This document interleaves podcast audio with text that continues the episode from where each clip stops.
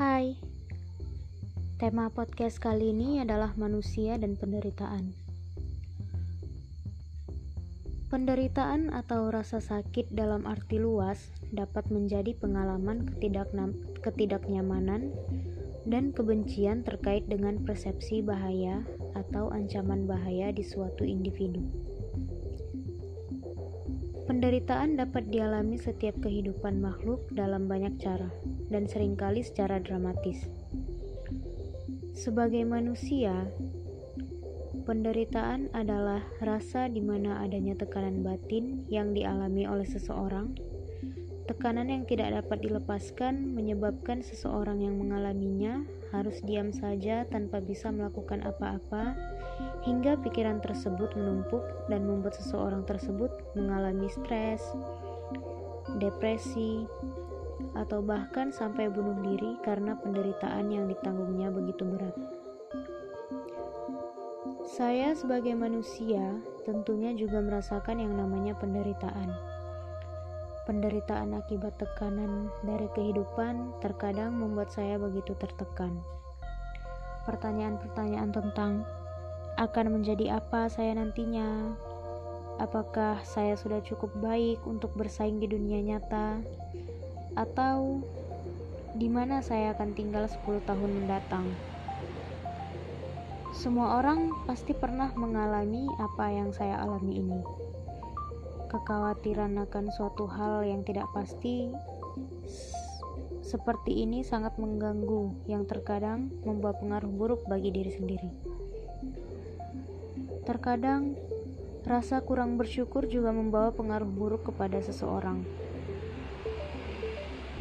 Rasa insecure yang sering saya alami sering membuat saya tidak bersyukur terhadap apa yang Allah berikan kepada saya. Saya benci rasa insecure ini, tapi saya tidak bisa menghilangkannya. Saya ingin menjadi seperti orang-orang, tetapi saya selalu berakhir dengan rasa ketidakpedean. Hal ini yang selalu membuat saya tertekan sampai terkadang membuat saya menangis. Sampai saat ini, saya masih belajar untuk mencintai diri saya sendiri dan selalu mensyukuri apa yang telah Allah berikan kepada saya.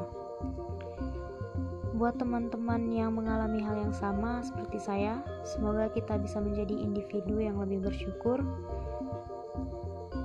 Dan jangan lupa to love yourself first. Assalamualaikum warahmatullahi wabarakatuh.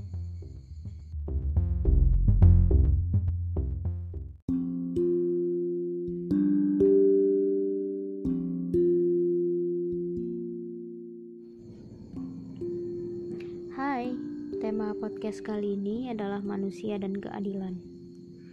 Apa sih keadilan itu?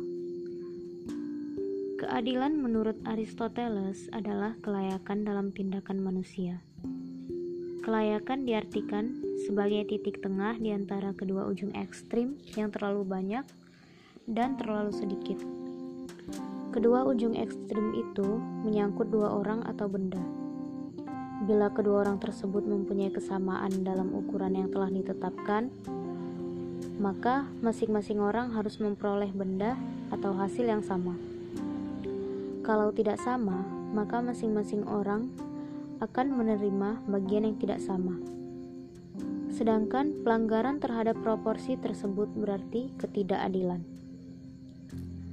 Keadilan oleh Plato sendiri diproyeksikan pada diri manusia, sehingga yang dikatakan adil adalah orang yang mengendalikan diri dan perasaannya dikendalikan oleh akal.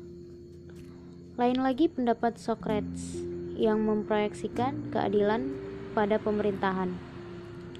Menurut Socrates, keadilan tercipta bila mana warga negara sudah merasakan bahwa pihak pemerintah sudah melaksanakan tugasnya dengan baik.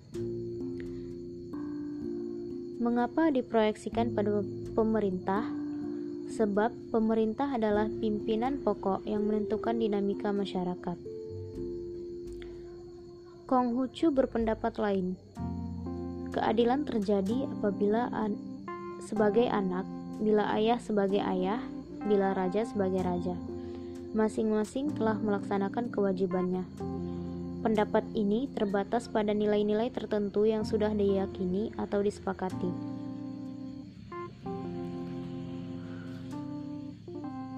Menurut pendapat yang lebih umum dikatakan bahwa keadilan itu adalah pengakuan dan perlakuan yang seimbang antara hak dan kewajiban. Keadilan terletak pada keharmonisan menuntut hak dan menjalankan kewajiban. Atau dengan kata lain, keadilan adalah keadaan bila setiap orang memperoleh apa yang menjadi haknya dan setiap orang memperoleh bagian yang sama dari kekayaan bersama. Sebagai contoh, seorang karyawan yang hanya menuntut hak kenaikan upah tanpa meningkatkan hasil kerjanya tentu cenderung disebut memeras.